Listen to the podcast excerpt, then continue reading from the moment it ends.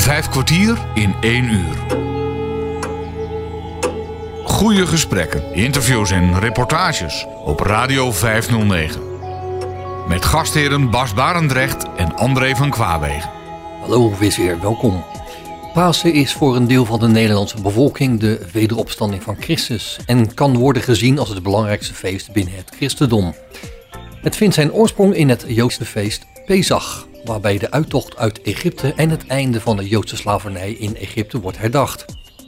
In het tegenwoordige paasfeest zijn verschillende elementen uit verschillende achtergronden met elkaar verweven. Velen onder jullie verbinden de lente met de wedergeboorte en de wederopstanding van de natuur na de winter. In het westen van ons land is Pasen voor de meeste mensen een feest geworden dat bestaat uit een aantal vrije dagen, lekker eten en het eieren schilderen en zoeken. Dat gebeurt ook in het oosten van het land, maar daar houden ze zich nog vast aan de oude tradities.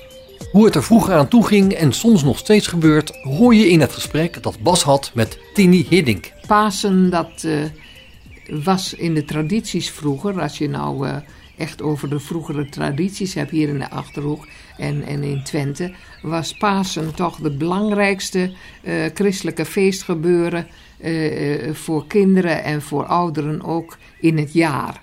En tegenwoordig is door de middenstand ook kerst op de eerste plaats ge gezet. En dat komt gewoon door de versieringen en door het lekkere eten en zo. Maar Pasen was vroeger dus de traditie dat mensen dus daar echt iets van maken, En dat kwam ook omdat Pasen in het voorjaar lei. En heel veel van die, die tradities die gaan over uh, dus uh, dat het voorjaar komt, dat het betere weer moet komen. Hè, dus uh, over al dit soort dingen. En je kunt je voorstellen dat, dat mensen in slechte huizen wonen, hele strenge winters waren. Dus over, dat voorjaar, daar keek men gewoon naar uit. En er lag Pasen in. En daarom werd er om Pasen ontzettend veel tradities uh, zijn er ontstaan. En dat vierden de mensen dus heel erg met elkaar in de families. Uh, het was in deze protestantse gedeelten van Achterhoek en Twente uh, het geval dat juist Palmpasen de kerkelijke uh, bijeenkomst er was, dat jonge mensen dus, dus hun geloof beleiden in de kerk. Die werden aangenomen, zoals dat in het dialect werd gezet, een anenom. En daar hoorde nieuwe kleding bij. En zo'n zo'n lid wat aangenomen werd, of een vrouw was of een man, die kregen het nieuwste van het nieuwste aan. En de sieraden, dat waren dus ook de dingen die niet moesten ontbreken, want juist aan die sieraden kon je zien hoe het erbij stond in de portemonnee. Dus die palmpasendiensten die werden door ontzettend veel mensen bezocht in de kerken. En daar ontstonden ook al heel veel de huwelijken uit. Want uh, de vaders en die moeders, die ouders, die uh, konden dan al hun dochter of hun zoon uh, laten zien in hoe, hoe rijk of ze waren. En dan zochten ze daar een jongen of andersom een meisje bij. Die meiden, toen er nog klederdrachten waren, uh, was die klederdracht op zijn mooist.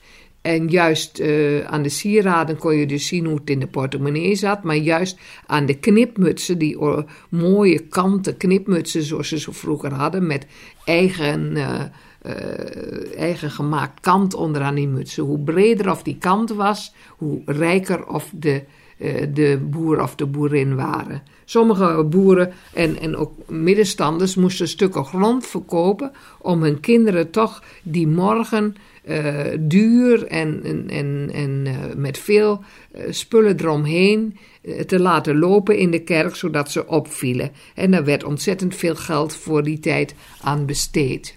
En ook het goud en het zilver, wat overal hing en waar overal dus mee gepronkt werd. In 1957, toen ik zelf beleidenis heb gedaan, toen werden dus geen klederdrachten meer gedragen, maar wel had men een, allemaal eenzelfde soort pak aan. De dames een, een mantelpakje en dat waren pas de kleuren donkerblauw, zwart of uh, donkerbruin. Hè, allemaal die, die, die uh, ouderwetse kleuren. En daar had je een hoed bij op, daar had je uh, handschoenen bij. Maar daar had je ook de sieraden bij. En ik weet nog, mijn vriendinnen ook, allemaal van een grote boer. Die, die hadden allemaal overal wat maar kon uh, iets hangen van goud. En daar trokken we allemaal mee naar de kerk. En zo werden we toen nog in die tijd ook bekeken door iedereen. Het ging niet meer zo dat de jongens en meisjes dan geplaatst werden. Je kon een beetje meer zelf kiezen, maar toch werd er allemaal nog rekening mee gehouden.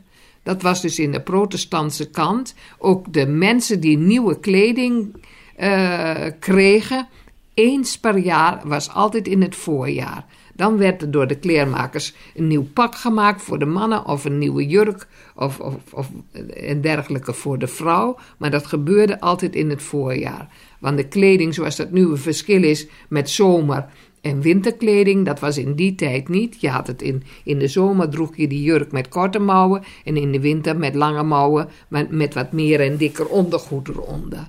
He, maar dat kleding, het, het, is nu helemaal niet meer zo. En de kerken die zouden blij zijn dat er nog een paar uh, aannemers zijn, lidmaten worden van een kerkgemeenschap. Maar het is allemaal voorbij zoals dat in die jaren was. Dat is allemaal nog doorgegaan tot, ik denk wel 1960.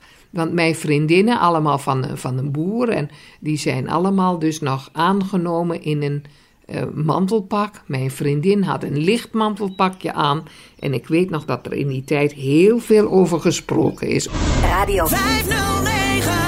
Radio 509. Nou, dan had je de, de tochten van uh, de palmpaastochten met, uh, met de stokken en het haantje. En dat is een, een, een, een groot iets hier in het oosten van het land geweest. In het westen is het geweest, maar veel minder als hier maar een stok met uh, een haantje erop en, en, en, een zwaantje erop of een, een krans, zoals dat ook gemaakt werd. Uh, dat werd dan op die stok geplaatst. En die stokken die, uh, werden zelfs op de markten verkocht, want die werden nog per plaats, waren die stokken ook nog verschillend. En het haantje en het zwaantje, dat was dan allemaal hetzelfde. Het, het zo noemt ze dat in, in, in Twente, het kukelheintje. En hier is het gewoon het haantje of het zwaantje. Zwaantje met de lange nek en het, uh, het haantje met het korte halsje. En dat werd dan op een stok gezet. En hoe rijker je was, hoe rijker of ook die stok versierd was. Dan was er een krans van gevlochten brood. En gevlochten brood, dat komt uit de Joodse volksverhalen. Want Joodse vrouwen die offerden vroeger hun, uh, hun vlechten, uh, lieten ze verbranden omdat ze dachten dat ze geen kinderen hadden en dat daardoor uh, misschien een, een, er een kind zou komen. Dus alle gevlochten brood wat je tegenwoordig nog ziet met Pasen, dat is dus uit het Joodse volkleven, daar komt het vandaan. Dit is allemaal te zien, dat over brood in het uh, Bakkersmuseum in Hattem. Staat ook allemaal daar beschreven wat, wat het dus allemaal betekent. Maar hier was zo'n stok dus versierd met een haantje of een zwaantje en een, uh, een, een, uh, een krans van gevlochten brood eromheen. En die krans had weer te maken met, uh, met het vragen om de zon, of de zon dus nieuwe levensvreugde, nieuwe levensgroei wilde brengen over de mensen hier. Uh, de versiering is ook allemaal verschillend geweest in die haantjes. En dat ging erom, om het groen, wat dus in de buurt groeide, daar werd mee versierd. Dus als je in een veenstreek woonde, bij uh, een veengebied zoals Friese Veen, en dat heb je, die venengebieden heb je hier ook in de Achterhoek, daar groeide altijd gagel. En gagel, dat is een, een, een soort heesterplantje, wat maar één dag bloeit, geel. En dat is een plantje uh, die dus uh, heel veel ook geplukt werd en waar de palmpazenstok mee versierd werd. Dat gagel werd soms gebruikt voor, uh, voor onder in de beddenstee te leggen, want het ver, verjoeg dus de vlooien en de luizen. daar hadden ze een hekel aan. Dus daarom werd dat bloeiende takje vroeger daarvoor gebruikt. Heel veel gronden en ook wegen en boerderijen zijn naar dat Gagel genoemd. Zo heb je hier in Lochem het Gagel, boerderij het Gagel aan de Gageldijk, dicht bij het Veen, hier in deze streek. En in het eh, dialect heten het possen. En heb je ook hier in Lochem de Possendiek, het Possenveld, de Possenweide, allemaal genoemd naar dat kleine heestertje, het Gagel. Het is nu, nu een beschermd plantje geworden en je ziet het eigenlijk nergens meer, behalve in de streken waar het uh, vroeger ook groeide. Maar het is nou beschermd, zoals ik zei. En dan werd er met, uh, met palm versierd. dat is nu buxus, maar dat heette vroeger palm. En iedere boerderij of, of, of huis had wel een, in, in het tuintje een palmbuske. En deze palm, dat is net zo dus als de buxus, maar het heeft een grove blaadje, is een grotere struik, wat vroeger in de kerktuinen, de katholieke kerktuinen, heel erg veel groeide, omdat de katholieke mensen dit uitdeelden op de palm, uh, palmzondag aan de mensen die dus kwamen en die kregen dan een gezegend palmtakje mee om in het offerbakje te zetten. Maar hier werden dus ook veel van die stokken daarmee versierd. En zo werd er ook met berkentakjes versierd, met bosbes. Zoals in Twente werd veel bosbes gebruikt, wat je dus dan daar vond in de bossen. En uh, berkentakjes. En dat was het ook zo ongeveer. Hier in Laren is nog grove den, omdat de grove den uh, pas uh, of groeide hier, want de fijne sparren die zijn pas om 1900 zijn die hier aangeplant. Dus heel vroeger had men alleen maar de grove den. Bas Baarner spreekt met Tini Hiddink over tradities tijdens het paasfeest. Ook de liedjes zijn helemaal uh, verschillend. Uh, zoals in, in, in Twente zongen ze bij zo'n paasoptocht het liedje Palm Palm Pasen, Lord de Hoende Krossen. Heikoerij, heikoerij, nog één zondag en dan kregen we een ei. In Zevenaar palm palm pasen, zo ropen wie, zo ropen wie, en zondag kregen we een tuut-ei. Hengelo of Riesel, palm palm pasen, laat een koekoek rozen, laat een kieviet zingen, dan kregen we lekkere dingen. In Fasen op de Veluwe, palm palm pasen, de wind die komt van Fasen, en als ze niet van Fasen komt, dan komt ze van Jan Klaassen. Gekscherend, zeggen ze in Fasen, palm palm pasen, de wind die komt van Fasen, de wind die komt van Epe, stek hem aan de grepen. In Angelo, dat is bij Doesburg, palm palm pasen, haantje van Jan Klaassen, haantje van Jan Akkerman, den zo lekker bakken kan. En in Zutphen, haantje op een stuksken met een rood-rood raksken. Geef het haantje een stukje brood, anders geet mijn haantje dood. En in Nijmegen, dus daar kun je zien dat het uh, rijke luisstokken versierd werden en arme luisstokken. Palm, palm, pasen, de grote zijn de bazen. Heikoerij, heikoerij, mijn palmpaas is mooier dan jij. Maar hier was over het algemeen dit liedje het bekendst. Palm, palm, pasen, koerij, ei, koerij, Eén ei is geen ei, twee ei is een half ei, maar drie ei is een paasei. Dus dat waren de paaspallen Pasen optochten. En dan had je vroeger in Twente, Salland, de dichteres Johanna van Buren. Die heeft daar een prachtige gedicht op gemaakt. En dat zal ik lezen. Twentse mol. Hij verder wichter, dat zijn de meisjes, al een palmpasenkloer zo'n mooie als hoe mode maken in vroegere jaren. Want meestal moest dat mensen maken, s'avonds, als hij al in bedden lijden. Wee nog, hij dan de ogen los deden, die zo blij waren en tevreden. Een stoel was ondersteboven op een andere stoel gezet, en tussen de vier peuten stonden palmpauses het passend net. De andere keer had moe hem stiekem ergens in een hoek gedrukt met zijn stuksken in de stoven. Altijd was ze mooie lukt. Wijertjes, papieren kettens, mooi in allerhande kleuren. Krakeling en ruzien slingen weg in het weer de deur. En aan al die groene tekstjes palm uit Nobeshof. Ulevelkes met spreukskes waren de vinnig het eerste of. En de breurs die kregen een zwanen en wat door aan de hals niet zat.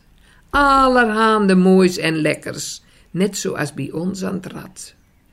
Maar die jongens, zulke snaaiers, niet zo zuinig als wie, maken dadelijk als soldaten en lusten onze er ook nog wel bij.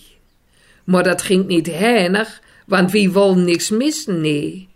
Later op een dag, dan kregen ze lichten nog eens een rezientje van ons mee. Twentse mono prakkezeerd is, goed wordt u ging als weg. En dan weet ik vaste dat uw wegje morgen een mooie palmpausen kreeg. Vijf kwartier in één uur. Tini Hiddink had het er zojuist in een gesprek met Bas Barendrecht op deze eerste paasdag over Palmpasen in de aanloop naar het paasfeest dat zeven dagen later plaats zal vinden. Maar wat gebeurde er in de week ervoor? Op Radio 509. De stille week komt daarna Palmpasen natuurlijk. En dat is, nou, ja, dat was heel vroeger, of vroeger in mijn kindertijd nog de stille week bedoeld. Maar toen was het natuurlijk al minder als, als daarvoor, voor de oorlog. Maar dan werd er ook echt stil, uh, uh, op de boerderijen ook. Dan was men allemaal rustig. En uh, vooral als je iemand in huis had die dus de zondag al was aangenomen als lidmaat. Hè, dan, dan moest je dus Goede Vrijdag naar het avondmaal toe. En in die week moest je dus rustig zijn, bij huis blijven, nergens naartoe. En moest je afwachten voor de eerste avondmaalsdeelname. Dat was uh, echt de bedoeling. Katholieke mensen die hadden geen goede vrijdag. En die wilden dan wel aan het werk gaan, want het was voorjaar en er moest gewerkt worden. Maar die hielden toch rekening met de protestantse boeren in de omgeving. Want te, tenminste, als ze geen ruzie met elkaar hadden. Maar dan uh, kwamen ze op Goede Vrijdag, wanneer de, die avond de jonge aannemer aan het avondmaal ging kwamen ze de Goede Vrijdag kijken naar al het moois wat ze aan kleding had gedragen de Palmzondag. En dan werd er altijd een gevlochten brood meegenomen, want gevlochten brood betekent dus uh, dat, dat je dus uh, uh, nieuwe aanwas wilt hebben, of dat in het gezin is bij de mensen, of dat het bij, bij de groente is en de, de dingen op de boerderij of het vee dat je dus naar nieuw leven verlangt. En dat gevlochten brood, dat hield dan in voor de jonge aannemeling. Je krijgt het van ons, omdat je, we hopen dat jouw leven vol met vruchtbaarheid mag zijn, op wat voor gebied dan ook. Dus vrijdagavond dan was het avondmaal, daar kwamen de mensen kwamen daar naartoe heel vroeger in de rouwkleding. En in mijn tijd was dat gewoon in dat mantelpak wat je gedragen had. En maakte je dat avondmaal mee. Na, de, na die tijd ging je naar de fotograaf. En dan werden al die foto's later op de, in de boerderij met nichten en neven, allemaal in dat mantelpak, werden die foto's op het uh, dressoir of op het kastje gezet. en dan kwam je dus met Pasen. En Pasen waren verder uh, rustige dagen, vooral in het gezin. En eerste paasdag dan gingen de mensen die naar de kerk wilden naar de kerk. Maar verder op de middag werden de spelletjes gedaan. Dat waren eenvoudige spelletjes.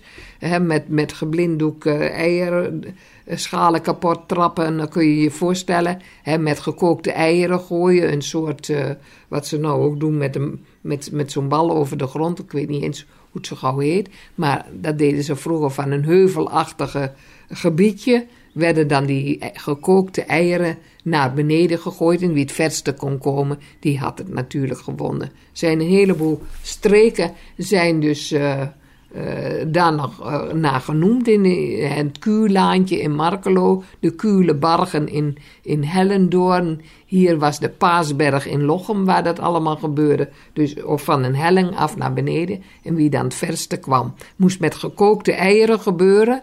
En Sommige jongens die namen een gipsei en deden dat daarmee, maar als ze betrapt werden, dan werden ze met uh, rauwe eieren bekogeld. Zo die kinderen deden dat dan ook niet weer. En het helpt heel goed om in de openbaarheid met heel veel mensen erbij, dus bekogeld te worden met rauwe eieren. Ik denk dat dat nou ook maar eens weer gebeuren moet met een heleboel van die jongetjes. Dan was het s'avonds bij de gezinnen uh, en de families dus het eier eten. Zoveel als je maar wilde. Want mensen kregen nooit haast een ei. En mijn moeder zei altijd bij ons, heb de hoen dat het gaat naar Bennett met de winkelkoren staan. Dat was dus dat alle eieren, eh, die werden verkocht naar de, naar de winkelier eh, voor de levensmiddelen. En zelf kreeg je thuis dus een paar overgebleven eieren die niet verkocht konden worden. En maar met Pasen kreeg iedereen een ei. En zo werden er ook eieren ingezameld voor oudere en zieke mensen. Werden in optochten dan vaak op eerste paasdag gebracht. Dat is nog altijd in Enschede het geval. Daar gaan wagens, grote wagens rond met grote palapaasstokken versierd. En brengen ze eieren in de ouderenhuizen, de verzorgings- en verpleeghuizen, bij de kinderziekenhuis. En uh, er worden dus gratis dan eieren gebracht. Dat is van vroeger uit, kreeg iedereen een ei, ouderen en jongeren. Vanuit de kerken wordt er nog steeds met Pasen vaak naar de oudere mensen iets van een bloemetje gedaan, maar vroeger waren dat dus eieren. Nou, en in het gezin, dan werden dus om, om, om een uur of vijf, vespertiet noemden ze dat hier, werden dan eieren gegeten. En ik weet nog zo, in mijn ouders huis werd de tafel voor het raam geschoven. En dat vond ik zo geweldig, gezellig. Want dan aten we samen aan de tafel en dan scheen de zon door het raam naar binnen. En dan keek je naar buiten en dan zag je daar de waterput. En bij de waterput bloeide dan een pol narcissen. Want zoveel als je tegenwoordig overal zien, was dat een, enkele pol die er groeide en verder was het niet. Maar de tafel was gedekt, eh, met heel eenvoudig was die gedekt en met witte broodplakken midden op de tafel en met gekookte eieren. En mijn vader kookte altijd de eieren, dat deed hij in de soeppan en net zoveel als je maar eten wilde, eh, kreeg je dan gekookt en je nam maar af en je at zoveel je kon. En het was dus in de, op de boerderijen waar knechten waren, nou die konden er soms wel bij 25 tot 30 opeten. Omdat ze nooit een ei kregen. en dat was dus gewoon een, een, een gekookt vers ei. Nou, men wist niet wat ze overkwam om daar, dan, dan dat te eten, want dat kregen ze nooit. de eieren werden allemaal verkocht. Daarom aten ze er op Pasen zoveel. En dan na die tijd gingen ze naar het paasvuur. Nou, achter die jongens hoefde je niet achter te gaan staan. Dat kon je wel merken, want als die 25 eieren op heeft... Hè, die zal niet zo lekker geroken hebben, denk ik. Vijf kwartier in één uur. De dag wordt besloten met het grote paasvuur op de paasweide. Paasvuur, dat was ook in elke Norberschop was er een paasvuur vroeger. Elke Norberschop maakte met kinderen en, en, en ook de grote maakten met karren en paard en wagens, uh, sleepte men het hout, het snoeihout en, en er werden bomen omgeslagen. Dat ging allemaal naar het paasvuur.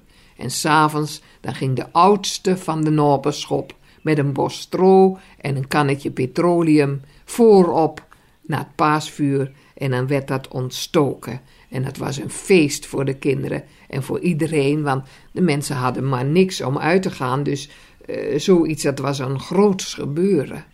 Die paasvuren zijn er nog altijd. In Twente is dat vooral in Denenkamp en in Oortmarsum nog heel levendig. Precies de oude cultuur zoals het uh, vroeger ging. In Holten zijn er uh, nog vier of vijf paasvuren in de buurtschappen waar allemaal een prijs mee gewonnen kan worden. Het mooiste en hoogste en best gebouwde paasvuurprijs. In Zieuwend, hier dichtbij, is ook nog altijd iets groots om dat paasvuur heen. Een heel groot mooi paasvuur, het mooiste en het grootste van de Achterhoek. Hier bij Borculo. Iedere gemeente heeft haast nog een paar paasvuren, al wordt het allemaal minder met het uitbouwen van de nieuwbouw en de grote beperkingen in vergunningen geven. Dat, dat doet heel veel van deze tradities toch de das om. Maar ze branden allemaal nog hier op Pasen.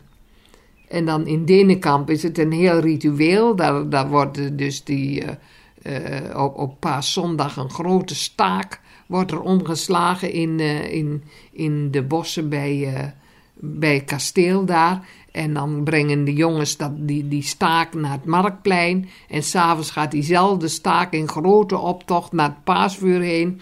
En dan wordt die in de grond gegraven door de jongens. En dan kruipt een van de jongens hoog in die stam. En dan gaat hij dus aftellen wie het meeste ervoor wil geven. Die krijgt dus die staak, mag die staak in brand steken. Het is een heel groot ritueel. Zoals ieder jaar eh, vindt op eerste paasdag de Oudmarsum een oud gebruik plaats, het zogenaamde fluggelen. Hetgeen betekent dat een lange slinger van mensen met de paaskels voorop, die eh, eh, gekleed zijn in een lichte regenjas en een grijze vilten hoed op. En dat zijn dus de, de, de leiders van, van deze optocht. En dan gaan ze dus hand in hand, de handen omhoog, een lange slinger maken van al die mensen die daar naartoe komen. En in een slingerachtige eh, vorm gaan die op weg naar het paasvuur. Onder het zingen van paasliederen door het plaatsje.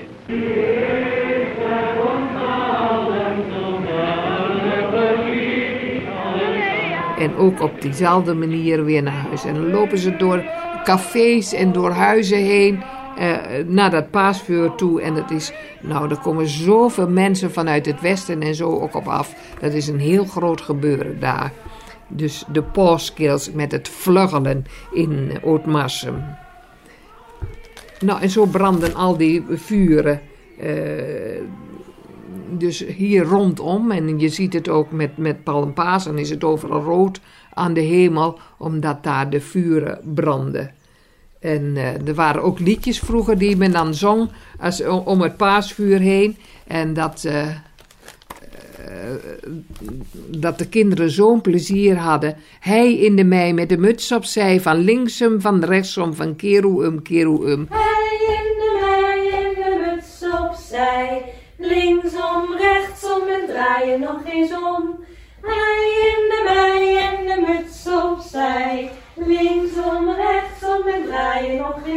Kijk, als ik nu dat tegen mijn kinderen zeg, dan lachen ze zich een ongeluk. Zo ouderwets en, en, stom is dat, vinden ze tegenwoordig. Maar vroeger hadden die kinderen elkaar aan de hand vast en men danste om dat vuur eh, in, in, in badmen, letterlijk badmen. Kies er maar een vogeltje uit deze krans. Een vogeltje, een vogeltje, al aan je rechterhand. En je moet ze laten vliegen en weer een andere kiezen. En je kunt je voorstellen, als je zo hand in hand eh, in een rij rondom dat vuur staat en het liedje is uit, dan moet dus eh, iedereen weer een plaatsje opschuiven en heb je weer een ander vogeltje. Ik was in Raalte op een bijeenkomst en een oude man stak de vinger op en die zei: Mevrouw, hier naast zit mijn veugeltje. En hij wees op zijn vrouw en hij zei: Die heb ik opgedaan bij het paasvuur in Lettelen met dat liedje. In Vorden zeggen ze lange, lange riegen, twintig in een stiegen, dertig is een rozenkrans en veertig is een poppenkrans. Dus je kunt je voorstellen, een harmonica speelde er dan en de jongelui hadden schik. En in sommige gebieden was het de gewoonte dat ze elkaar zwart maken na het paasvuur met alle houtskool dat er lag. Elkaar zwart maken. En een dominee uit Diepenheim, eh, die werd daar is de dupe van. Hij speelde met de jonge lui rondom dat paasvuur, met al die spelletjes meedoen. En ze maakten hem zwart als roet. En zo vertrok hij naar de pastorie. En later werd hij altijd een zwarte domie genoemd. In deze vijf kwartier in uur sprak Bas Barendrecht zojuist met Tini Hiddink over de oude tradities die in het oosten van het land in de paastijd plaatsvinden of hebben gevonden. Nu maak ik ruimte voor het NPO ZEP-programma Het Klokhuis. Dat in een uitzending van 6 april 2012 ingaat op Pasen als lentefeest. Pasen wordt ieder jaar op een andere datum gevierd. Dus het is niet zoals kerst dat ieder jaar op 25 december is. De afspraak over de datum voor Pasen is nogal ingewikkeld. Ten eerste moet de lente zijn begonnen. Dat is altijd op 21 maart. Ten tweede moet het een keer volle maan zijn geweest. En dat is ieder jaar op een andere datum. En dan de eerste zondag na die volle maan, dat is dan paaszondag. En die datum heeft dus deels te maken met dat christelijke paasfeest, maar ook voor een groot deel met de start van de lente. En er zijn ook allerlei gebruiken rondom Pasen die vooral met de lente te maken hebben. Soms zijn die al honderden jaren geleden uit bijgeloof ontstaan. Paasvuren bijvoorbeeld. In sommige delen van ons land worden die nog steeds met Pasen aangestoken. Boeren ruimden vroeger dorre takken en bladeren uit de winter op door ze op het land te verbranden. Sommigen zeiden dat het was om de kwade geesten van de winter weg te jagen. Dat het met Pasen om de lente gaat en een nieuw begin, dat zie je aan nog meer dingen. Want veel mensen houden rond die tijd namelijk een grote schoonmaak. Na die lange muffe winter gaan alle ramen en deuren open en zorgen de mensen dat alles er op zijn paasbest uitziet. Ook de vogels gaan in de lente weer eieren leggen. En die eieren worden al eeuwenlang gezien als teken van vruchtbaarheid. Want in die eieren groeit weer nieuw leven. De kuikentjes. En daarom kom je met paas ook overal eieren en kuikens tegen. In de winter waren de mensen vroeger soms vaak wat, eh, wat zwakker geworden, omdat ze dan niet zoveel eten hadden. En daarom was het ook heel goed om dan weer verse eieren te gaan eten, zodat de mensen weer eh, lekker gezond en sterk werden. Vroeger verstopten de boeren uit bijgeloof eieren in hun akkers. Want dan hoopten ze dat daardoor de grond extra vruchtbaar zou worden, zodat de gewassen ook beter zouden groeien.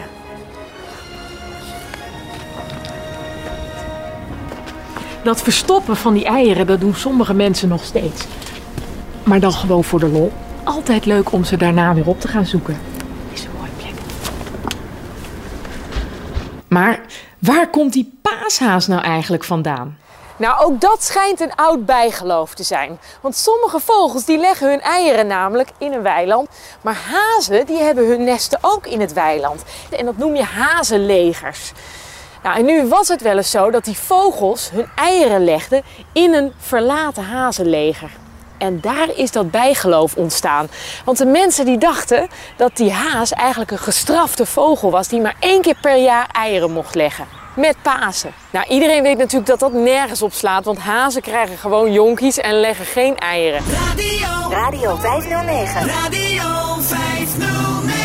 Omdat we nog wat tijd hebben, keren we terug naar 1964. Toen het het guurste Pasen sinds 1900 in Nederland was. En dompelen we ons onder in de paasdrukte van 1968 in Nederland. Het materiaal wat je hoort is afkomstig van het Nederlands Instituut voor Beeld en Geluid. Op affiches en kalenders schijnt altijd de zon. Maar Pasen was ditmaal natter, kouder en guurder dan in jaren. Toch zetten tienduizenden automobilisten de ruitenwissers aan om het allemaal te zien. En daardoor was het nog redelijk vol op de wegen die naar de plaatsen van vermaak voeren.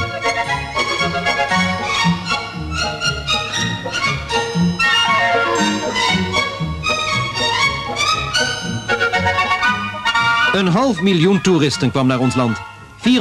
24.000 van hen gingen naar Madurodam, dat als aanwinst onder andere de Amsterdamse Jordaan kreeg.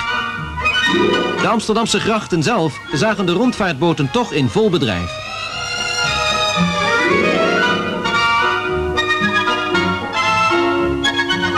Kleumerig stapten de mensen in. Maar de koffie bracht tenminste nog enige troost.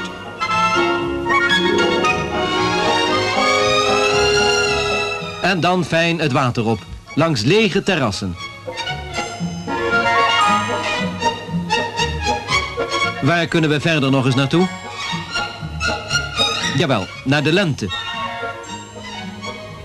Maar de bollen van Keukenhof wisten nog niet dat hij er al was.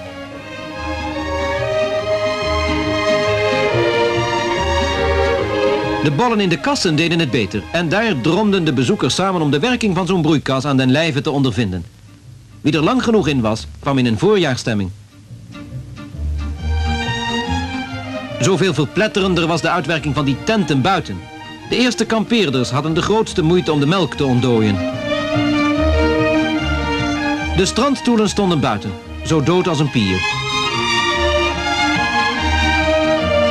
Enfin, ook aan deze Pasen kwam een einde. En iedereen mocht weer naar zijn lekkere warme huis. Weg uit de koude drukte. Voor sommigen was er onderweg toch nog iets van gloed en plezier. Voor de mensen die zich aan de paasvuren warmden. Zij waren de enigen die nog met een beetje warmte zullen spreken over de koudste Pasen sinds 1900.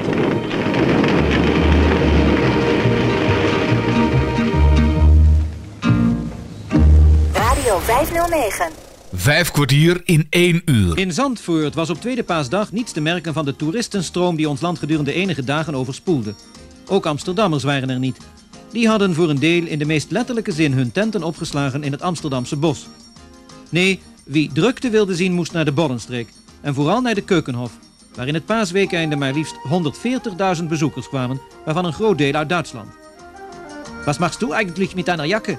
Ich zieh sie aus. Mensch, bist ja verrückt, mich friert.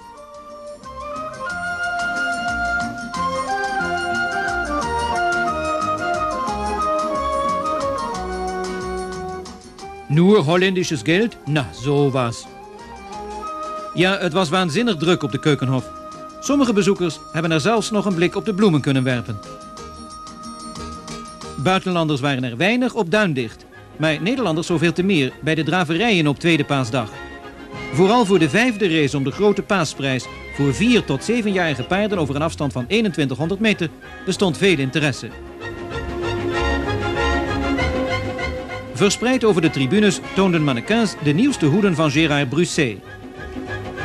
Na 900 meter had nummer 3, de 7-jarige Mary Christine Williams, de leiding.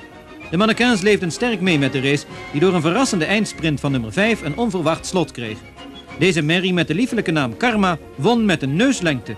Maar dat bleek pas uit de finishfoto. Trainer en rijder Stroper won er het aardige bedragje van 2500 gulden mee. Veel meer paardenkrachten waren er te zien op een door de stichting Holland Racing Promotion georganiseerde paastentoonstelling van sport- en raceauto's in Den Haag, die een zo groot mogelijk publiek wilde tonen dat er in Nederland een bloeiende autosport bestaat. Deze zelfgebouwde Havas, die plaats biedt aan twee personen, heeft een motor van 120 paardenkracht, die zoals bij alle rensportauto's gemakkelijk bereikbaar is, zodat monteurs onmiddellijk kunnen ingrijpen.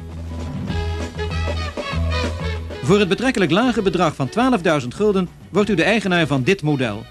Ook hier een zeer snelle ontmanteling voor eventuele controles.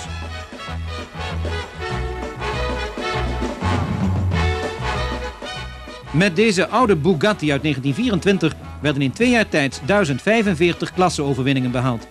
De acht cilinders hebben een totale inhoud van 2 liter. Eigenaar Sauerbier, die de wagen voor 40.000 gulden verzekerd heeft, is van plan er binnenkort weer mee te gaan racen.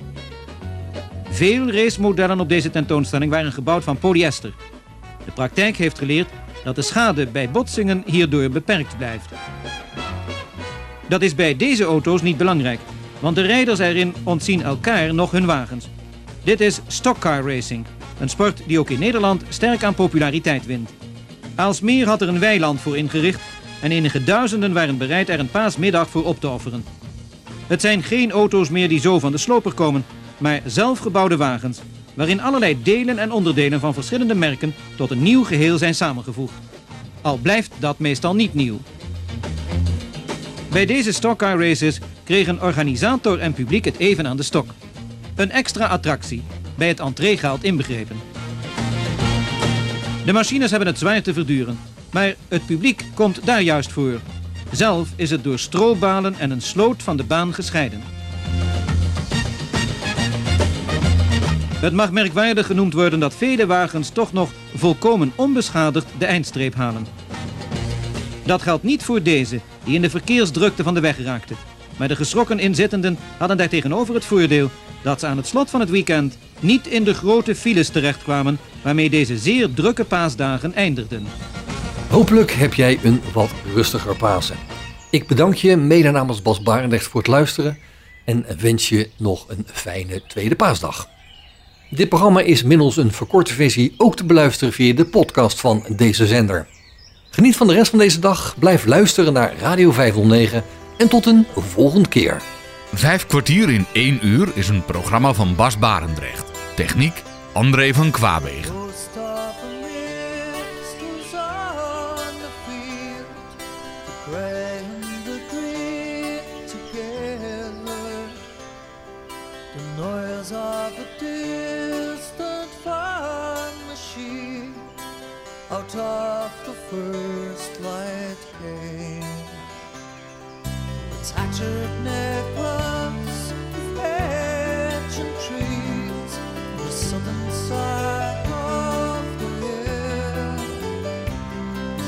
trace where the boy